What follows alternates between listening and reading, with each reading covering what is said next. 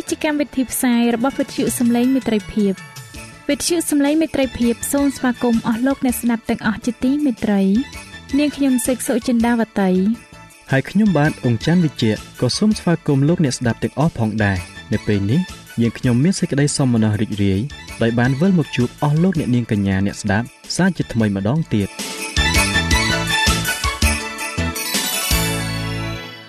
នាងខ្ញុំសេកសុចិន្តាវតី សូមជម្រាបជូនកម្មវិធីផ្សាយដែលមានជាបន្តបន្ទាប់ដូចតទៅនេតិជួបជាមួយព្រះបន្ទូលនេតិស្ពានជីវិត ចា៎លោកអ្នកស្ដាប់ជាទីមេត្រី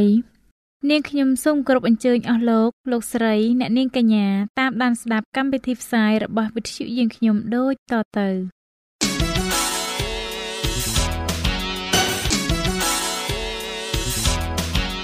នេតិ ជួបជាមួយព្រះបន្ទូល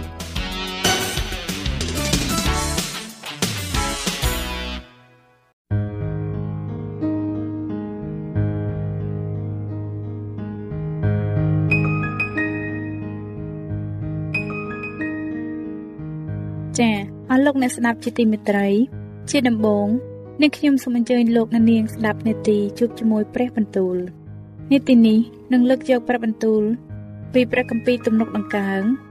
ដែលនឹងជម្រាបជូនដល់លោកអង្គច័ន្ទវិជ្ជៈដូចតទៅ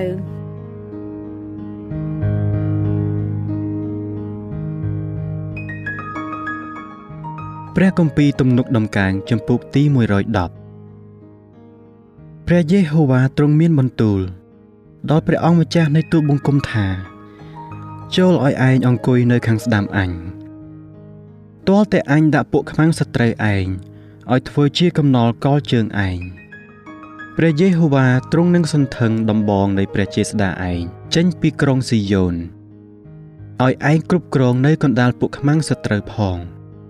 រាជរបស់ឯងគេថ្វាយខ្លួនស្ម័គ្រពីចិត្តនៅថ្ងៃដែលឯងតម្រៀបក្បួនទ័ពដ៏ប្រដាប់ ដោយគ្រឿងបរិសុទ្ធពួកកំឡោះរបស់ឯងនឹងបានដូចជាទឹកសន្សើមដែលចេញពីផ្ទៃនៃបច្ចុប្កាល ព្រះយេហូវ៉ាទ្រង់បានស្បត់ហើយថាឯងជាសង្ឃនៅអស់កលជានិច្ចតាមរបៀបលោកមីលគីសាដេក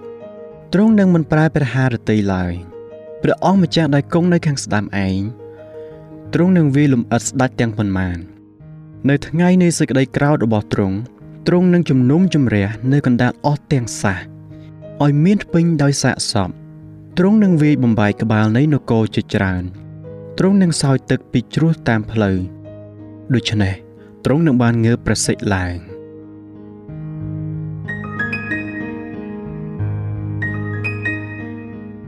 ព្រះគម្ពីរទំនុកដំកើងចំពុកទី111ចូលសរសើរដល់ព្រះយេហូវ៉ាខ្ញុំនឹងអរព្រះគុណដល់ព្រះយេហូវ៉ាដោយអស់ពីចិត្តនៅក្នុងចំណោមនៃមនុស្សទាំងត្រង់ហើយក្នុងពួកជំនុំជនអស់ទាំងស្នាដៃនៃព្រះយេហូវ៉ាសុទ្ធតែធំវិសេស គួរឲ្យអស់អ្នកណាដែលចូលចិត្តនឹងការទាំងនោះបានស្វែងរកតាមឯស្នាដៃនៃទ្រង់នោះល្អប្រពៃហើយរុងរឿងឧត្តមសេចក្តីសុចរិតរបស់ទ្រង់ក៏ស្ថិតស្ថេរនៅជាដរាបទ្រង់បានធ្វើឲ្យមានសេចក្តីនឹកចាំពីការអស្ចារ្យរបស់ទ្រង់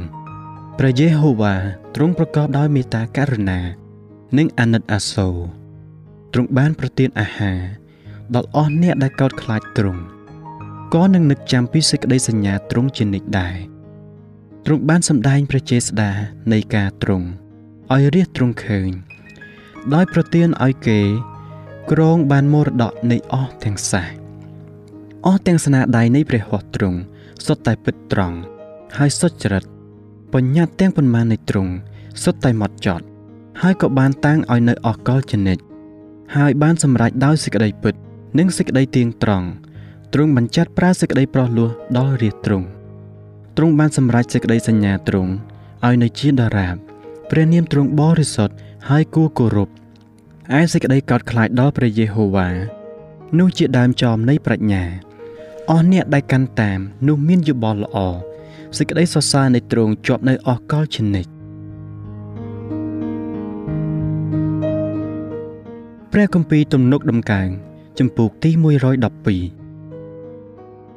ចូលសរសើរដល់ព្រះយេហូវ៉ាមានពរហើយ អ្នកណាដែលកោតខ្លាចដល់ព្រះយេហូវ៉ាហើយមានសេចក្តីអំណរជាខ្លាំងចំពោះសេចក្តីបង្គាប់របស់ទ្រង់ពូជពងរបស់អ្នកនោះនឹងបានពូកែនៅផែនដីឯដំណរមនុស្សទៀងត្រង់គេនឹងបានពរចំណែកធនធាននិងទ្រព្យសម្បត្តិរមែងមាននៅក្នុងផ្ទះគេដោយសេចក្តីសុចរិតរបស់អ្នកនោះក៏គង់នៅជាដរាប មានពន្លឺភ្លឺឡើងក្នុងទីងងឹត សម្រាប់មនុស្សទៀងត្រង់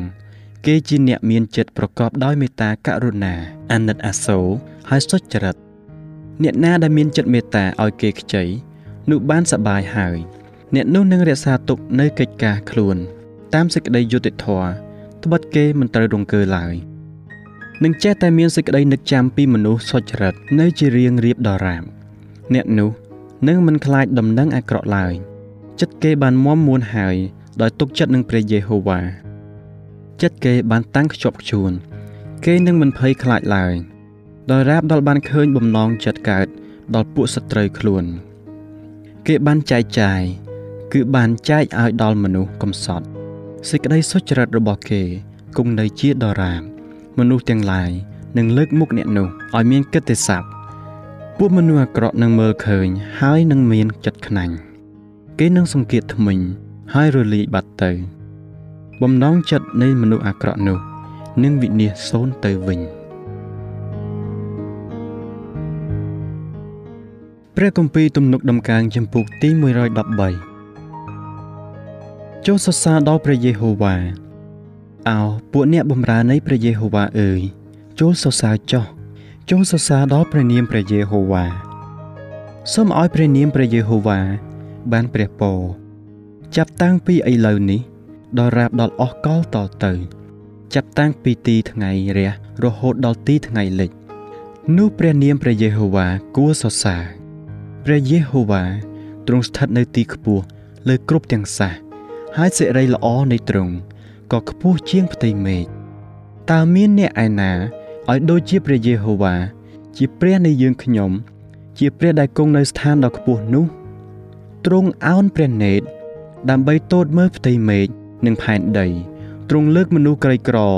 ឡើងចេញពីធូលីដី ហើយមនុស្សកំសត់ទុរគតចេញពីគំនរសម្រាម ដើម្បីនឹងតាំងឲ្យគេអង្គុយជាមួយនឹងពួកអ្នកធំ គឺជាមួយនឹងពួកអ្នកធំនៃរាជទ្រង់ទ្រង់ក៏ប្រោះឲ្យស្រីអា បានផ្ទះសម្បែងហើយឲ្យមានកូនដោយរីករាយវិញ ចូលសរសើរដល់ព្រះយេហូវ៉ាចុះ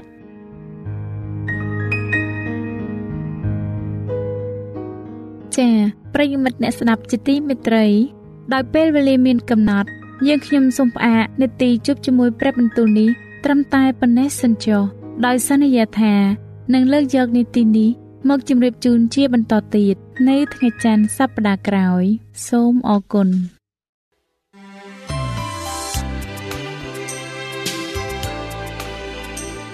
វិទ្យុសំឡេងមេត្រីភាព AWR ជាវិទ្យុដែលនាំមកពី ក្នុងការនាំព្រះរាជសាររបស់ព្រះជាម្ចាស់សម្រាប់លោកអ្នក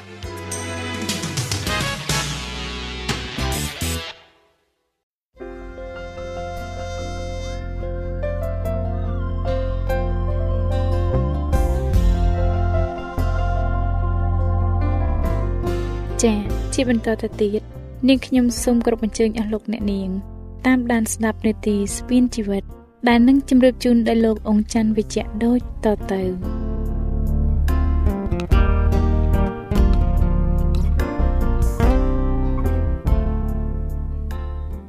ខ្ញុំបាទសូមជម្រាបសួរអស់លោកអ្នកស្ដាប់ជាទីមេត្រីសូមឲ្យលោកអ្នកបានប្រកបដោយព្រះគុណនិងសេចក្តីសុខសាន្តអំពីព្រះដ៏ជាព្រះវរបិតានៃយើង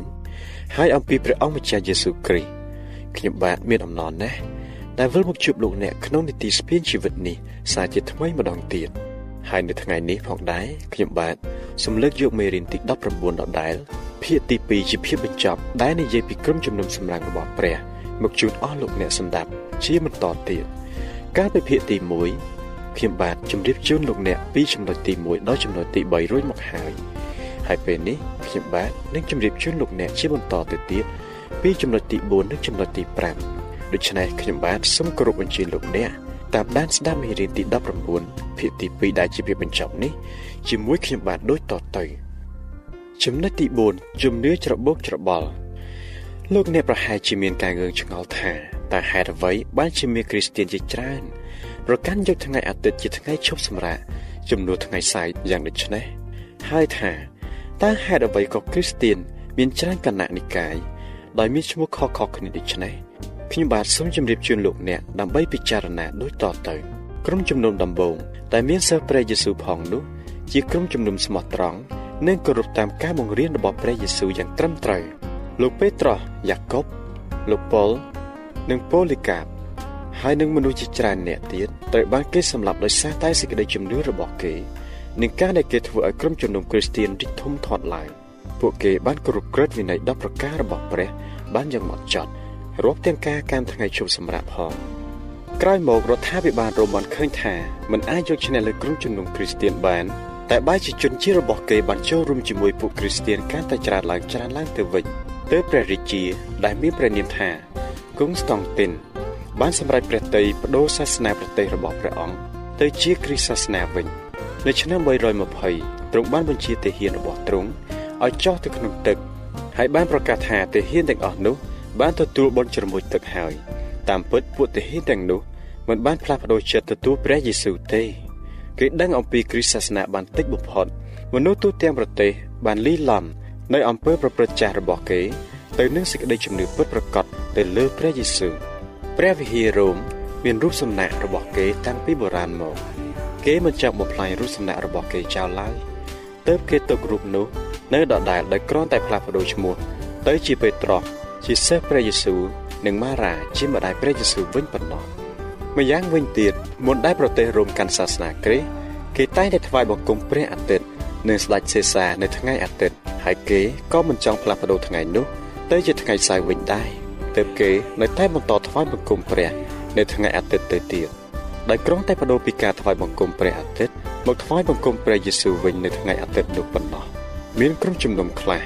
នៅតែបន្តការថ្វាយបង្គំព្រះនៅថ្ងៃសៅរ៍ដដែលដែរខ្លះទៀតក៏បានថ្វាយបង្គំនៅថ្ងៃអាទិត្យអ្នកដែលថ្វាយបង្គំនៅថ្ងៃអាទិត្យពុំអាចរកឃើញខព្រះគម្ពីរយកមកគ្រប់គ្រងសេចក្តីជំនឿរបស់គេទេទើបគេនាំគ្នាអះអាងថា ការថ្វាយបង្គំនៅថ្ងៃអាទិត្យគឺជាការត្រឹមត្រូវពីព្រោះព្រះយេស៊ូវបានមានព្រះជន្មរស់ពីភ្នោះឡើងវិញ នៅថ្ងៃអាទិត្យនោះឯងប៉ុន្តែព្រះបន្ទូលនិងក្រឹតវិន័យរបស់ព្រះមិនបានផ្លាស់ប្ដូរថ្ងៃបរិសុទ្ធពីការសម្រាកក្រោយពេលព្រះអង្គបានបង្កើតលោកក្នុងពេល6ថ្ងៃមក ជាថ្ងៃដែលព្រះយេស៊ូវបានមានប្រជញ្ញរស់ឡើងវិញនោះទេហើយទ្រង់ថែមទាំងបានសរសេរក្រឹតវិន័យនោះ នៅលើថ្មនិងក្នុងចិត្តមនុស្សដែលបានចេញពីអំពើបាបមកតាមទ្រង់ផង ព្រះបន្ទូលរបស់ព្រះស្ថិតស្ថេរជាដរាបអោព្រះយេហូវ៉ាអើយព្រះបន្ទូលទ្រង់បានតាំងនៅស្ថានសួគ៌ដរាបអស់កលជានិច្ចទំនុកដំកើងចំពុកទី119ខ89ព្រះគម្ពីរម៉ាថាយចំពុក5ខ17រហូតដល់ខ19បានបញ្ជាក់យ៉ាងច្បាស់ថាកុំឲ្យគិតស្មានថាខ្ញុំមកដើម្បីនឹងលើកក្រឹតវិន័យឬទំនាយពួកហោរាចោលឡើយខ្ញុំមិនមែនមកនឹងលើកចោលទេ គឺមកនឹងធ្វើឲ្យសម្រេចវិញបើខ្ញុំប្រាប់អ្នករកគ្នាជាប្រកាសថានឹងគ្មានបាំងឈើមួយឬក្បៀសមួយនៅក្នុងក្រឹតវិន័យត្រូវបាត់ឡើយដល់រាបដល់កាលណាមេឃនិងផែនដីបានកន្លងបាត់ទៅ គឺទាល់តែសេចក្តីទាំងអស់បានសម្រេចសពគ្រប់ដូច្នេះអ្នកណាដែលនឹងរំលងបត់ណាមួយសំបីយ៉ាងតូចបំផុតក្នុងបញ្ញត្តិទាំងនេះហើយបង្រៀនមនុស្សឲ្យធ្វើដូច្នោះដែរនោះនឹងត្រូវហៅជាតូចបំផុតក្នុងនគរស្ថានសួគ៌ តែអ្នកណាដែលកាន់តាមហើយបង្រៀនចំពោះបញ្ញត្តិទាំងនេះនោះនឹងបានហៅជាអ្នកធំក្នុងនគរស្ថានសួគ៌វិញតតមកមានមនុស្សជាច្រើនដែលមានការពិបាកក្នុងការថ្វាយបង្គំព្រះនៅថ្ងៃសៅរ៍ឬប្រកាន់យកទាំងពីរក៏បានទទួលយកថ្ងៃអាទិត្យសម្រាប់ថ្វាយបង្គំព្រះវិញដោយសារការបៀតបៀនទើបមានគ្រីស្ទានតិចតួចបំផុតដែលនៅប្រកាន់ក្រឹតវិន័យទាំង10រឹងមាំដោយរក្សាថ្ងៃសៅរ៍ជាថ្ងៃជប់សម្រាប់ដដែល ច្រើនឆ្នាំបានកន្លងផុតទៅ ការផ្លាស់ប្ដូរជាច្រើនចេះតែកើតមានប្រហែល400ឆ្នាំមុនមានគ្រីស្ទានមួយចំនួនក៏បានចាប់ផ្ដើមសិក្សាព្រះគម្ពីរដោយខ្លួនឯងយ៉ាងម៉ត់ចត់ដើម្បីត្រឡប់ទៅរកអ្វីដែលព្រះយេស៊ូវបានបង្រៀនវិញ។រួចក៏បានចាប់ផ្ដើមបង្កើតក្រុមជំនុំមួយរបស់គេឡើងដោយដាក់ឈ្មោះថា Protestant ជាភាសាបារាំងប្រែមកថា អ្នកប្រឆាំងព្រោះពួកគេបានប្រឆាំងនឹងការបង្រៀនមិនត្រឹមត្រូវតាមព្រះគម្ពីរ គេក៏បានកែតម្រូវការពិតតាមព្រះគម្ពីរជាច្រើនដោយបានយករូបសំណាកចេញពីព្រះវិហារ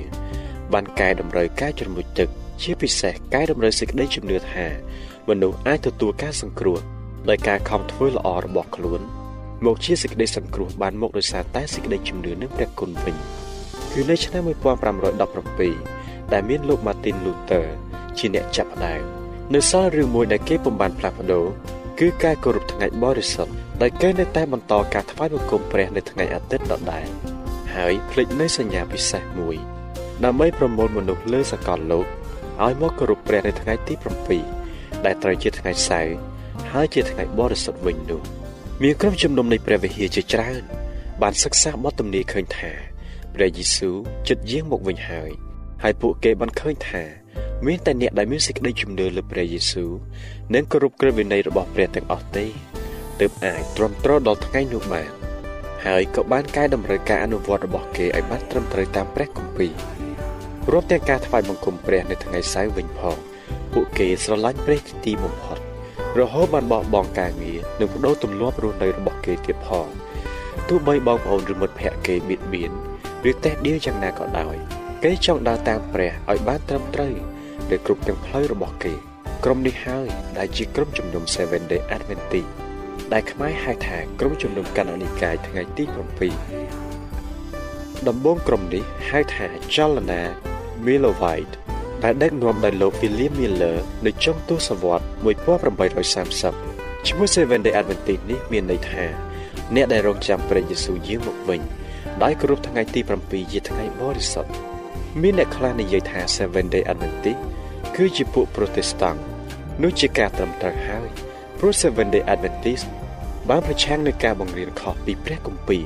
ហើយក្រុមជំនុំនេះឯងបានប្រកាន់យកសាររបស់ទេវតាទាំង3អង្គក្នុងគម្ពីរវិវរណៈមកធ្វើជាគោលការណ៍របស់ខ្លួន ចំណុចទី5សាររបស់ទេវតា3អង្គក្រុមជំនុំ Seven Day Adventist យល់ថាសាររបស់ទេវតា3អង្គគឺជាការព្យាយាមចុងក្រោយរបស់ព្រះដើម្បីប្រមូលមនុស្សឲ្យមកទទួលការសង្គ្រោះពីព្រះ ដែលហៅថា ក្រុមជំនុំសម្រាងរបស់ព្រះ ចំណុចទី5កទេវតាទី1ព្រះគម្ពីរវិវរណៈចំពុកទី14ខ6រហូតដល់ខ7បានចែកថាខ្ញុំក៏ឃើញទេវតាមួយទៀតកំពុងហោះកាត់កណ្ដាលមេឃទាំងមានដំណឹងល្អដល់នៅអកលជានិច្ចសម្រាប់នឹងថ្លែងប្រាប់ដល់មនុស្សនៅផែនដី គឺដល់អស់គ្រប់ទាំងសាសគ្រប់ពូជអម្បូរគ្រប់ភាសាហើយគ្រប់ទាំងគ្រួសារដែរទេវតានោះ ក៏បានលើសំឡេងយ៉ាងខ្លាំងថាចូលកល់ខ្លាចដល់ព្រះសរសើរសេរីល្អរបស់ទ្រង់ចោះត្បិតពេលដែលទ្រង់ត្រូវជំនុំជម្រះនោះបានមកដល់ហើយចូលក្រាបថ្វាយដល់ព្រះដ៏បង្កើតផ្ទៃមេឃផែនដីសមុទ្រនិងរុនទឹកទាំងប៉ុន្មានចោះដំណឹងនេះបានត្រាស់ហៅមនុស្សទាំងអស់លើលោកីយ៍នេះឲ្យថ្វាយបង្គំព្រះ ដែលបង្កើតលោកីយ៍ចំពោះយើងជាគ្រីស្ទៀនយើងបានថ្វាយបង្គំទ្រង់រួចទៅហើយចំណុចទី5ខ ទេវតាទី2មានទេវតាមួយទៀតមកតាមក្រោយប្រាប់ថាក្រុងបាប៊ីឡូនដ៏ជាធំបានរលំហើយ បានរលំហើយត្បិតវាបានឲ្យគ្រប់ទាំងសាសផឹកស្រានៃសេចក្តីខូចខើចរបស់ការកំផិតរបស់ខ្លួនដកស្រង់ពីព្រះគម្ពីរវិវរណៈចំពោះ14ខ8បាប៊ីឡូនបានคล้ายមកពីពាក្យថាបាបែលដែលមានន័យថាច្របូកច្របល់ ដូច្នេះទេវតាទី2បានត្រាស់ហៅមនុស្សឲ្យបែកចេញពីជំនឿច្របូកច្របល់ព្រោះជំនឿនោះបានរលំហើយចំណុចទី5កទេវតាទី3រួចមានទេវតាទី3មកតាមក្រោយទៀតទាំងមិនលឺសំឡេងយ៉ាងខ្លាំងថាបើអ្នកក្រាបថ្វាយបង្គំដល់សត្វនោះនឹងរូបវាហើយទទួលទីសម្គាល់វានៅលើថ្ងាសឬនៅដៃអ្នកនោះនឹងត្រូវផឹកស្រាផងសេចក្តីខូខើរបស់ព្រះ ជាស្រាឥតលាយ ដែលចាក់ទៅក្នុងពេងនៃសេចក្តីក្រោធរបស់ទ្រង់ព្រមទាំងត្រូវរងទុក្ខវេទនា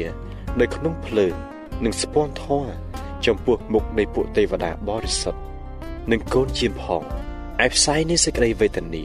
នឹងហុយឡើងអស់កលជានិច្ចរៀងរៀបតទៅគេឥតមានសេចក្តីស្រាក់ស្រានឡើយទាំងយប់ទាំងថ្ងៃ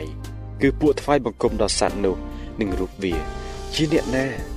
ជាអ្នកដែលទទួលទីសម្គាល់នៃឈ្មោះវាផង នេះហើយជាសេចក្តីអត់ធ្មត់របស់ពួកបរិសុទ្ធដែលកាន់តាមបញ្ញត្តិរបស់ព្រះហើយមានសេចក្តីជំនឿលើព្រះយេស៊ូវដកស្រង់ពីព្រះគម្ពីរវិវរណៈជំពូកទី14ខ9រហូតដល់ខ12ទេវតាទី3បានត្រាស់ហៅមនុស្សដែលថ្វាយបង្គំព្រះខុសថ្ងៃបរិសុទ្ធឲ្យមកថ្វាយបង្គំព្រះនៅថ្ងៃបរិសុទ្ធត្រឹមត្រូវដោយជំនឿវិញអ្នកមានត្រានៅនឹងដៃគឺជាពួកអ្នកដែលមិនថ្វាយបង្គំទ្រង់នៅថ្ងៃបរិសុទ្ធ ដោយភ័យខ្លាចឬដោយសារតែរវល់នឹងការងារផ្សេងផ្សេងរីអ្នកដែលមានត្រានៅនឹងថ្ងៃគឺជាអ្នកដែលមិនព្រមថ្វាយបង្គំទ្រង់នៅថ្ងៃទី7ដែលមានជំនឿនៅក្នុងគំនិតរបស់គេដកស្រង់អត្តន័យពីព្រះគម្ពីរវិវរណៈជំពូក13ខ16រហូតដល់ខ17តើលោកអ្នកយល់ថាក្រុមជំនុំគណៈនិកាយថ្ងៃទី7ជាក្រុមជំនុំសម្រាប់របស់ព្រះឬទេហើយតើលោកអ្នក ចង់ចូលជាសមាជិកនៃក្រុមជំនុំសម្រាប់របស់ព្រះដែរឬទេលោកអ្នកបានសិក្សាជាមួយអ្នក Seven Day Adventist នេះយូរមកហើយតើលោកអ្នកបានឃើញថាពួកគេ បានបង្រៀនសេចក្តីពិតតាមព្រះគម្ពីរដោយមិនប្រើគំនិតរបស់មនុស្សឬទេតែលោកអ្នកមានបំណងនឹងថ្វាយជីវិតលោកអ្នកទៅព្រះមួយអង្គដែលបានសង្គ្រោះលោកអ្នកនិងបានសន្យាថានឹងប្រទានជីវិតអស់កលដល់លោកអ្នកឬនៅប្រសិនបើលោកអ្នកមានបំណងដូច្នោះមែន តើលោកអ្នកសម្រេចចិត្តនឹងប្រគល់ខ្លួនលោកអ្នក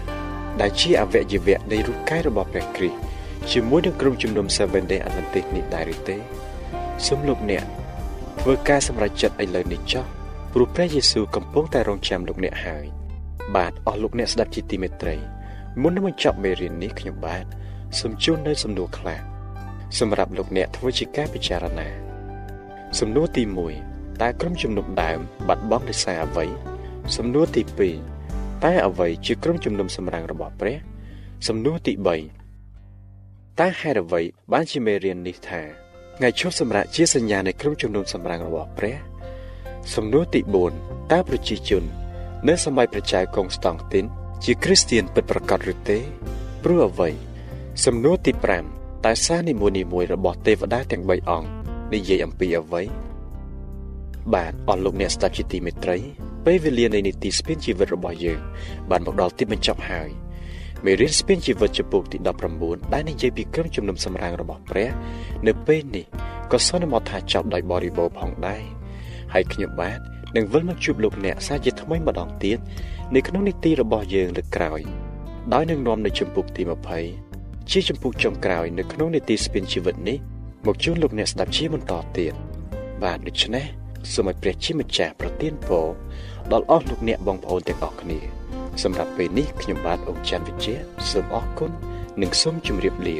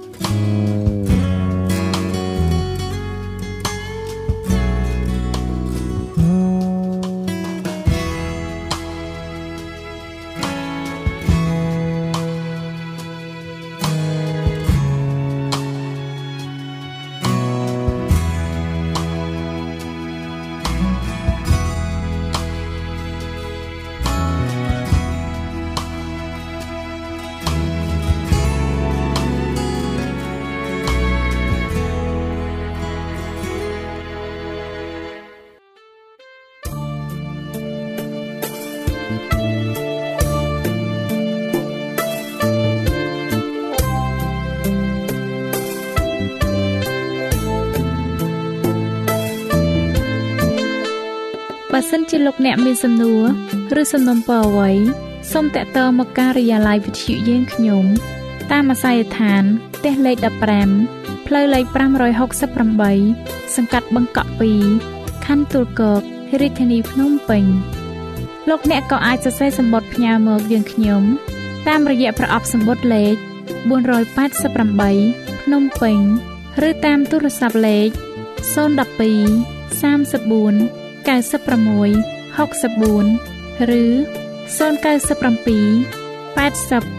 81 060ឬក៏តាមរយៈអ៊ីមែល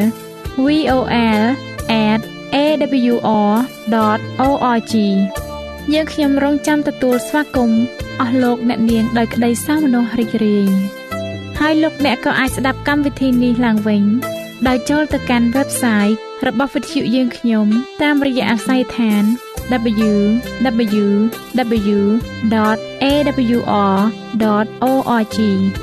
លោកអ្នកនាងកញ្ញាជាទីមេត្រី កម្មវិធីផ្សាយរបស់វិទ្យុសំឡេងមេត្រីភាពនៅពេលនេះសូមបញ្ចប់តែប៉ុណ្ណេះ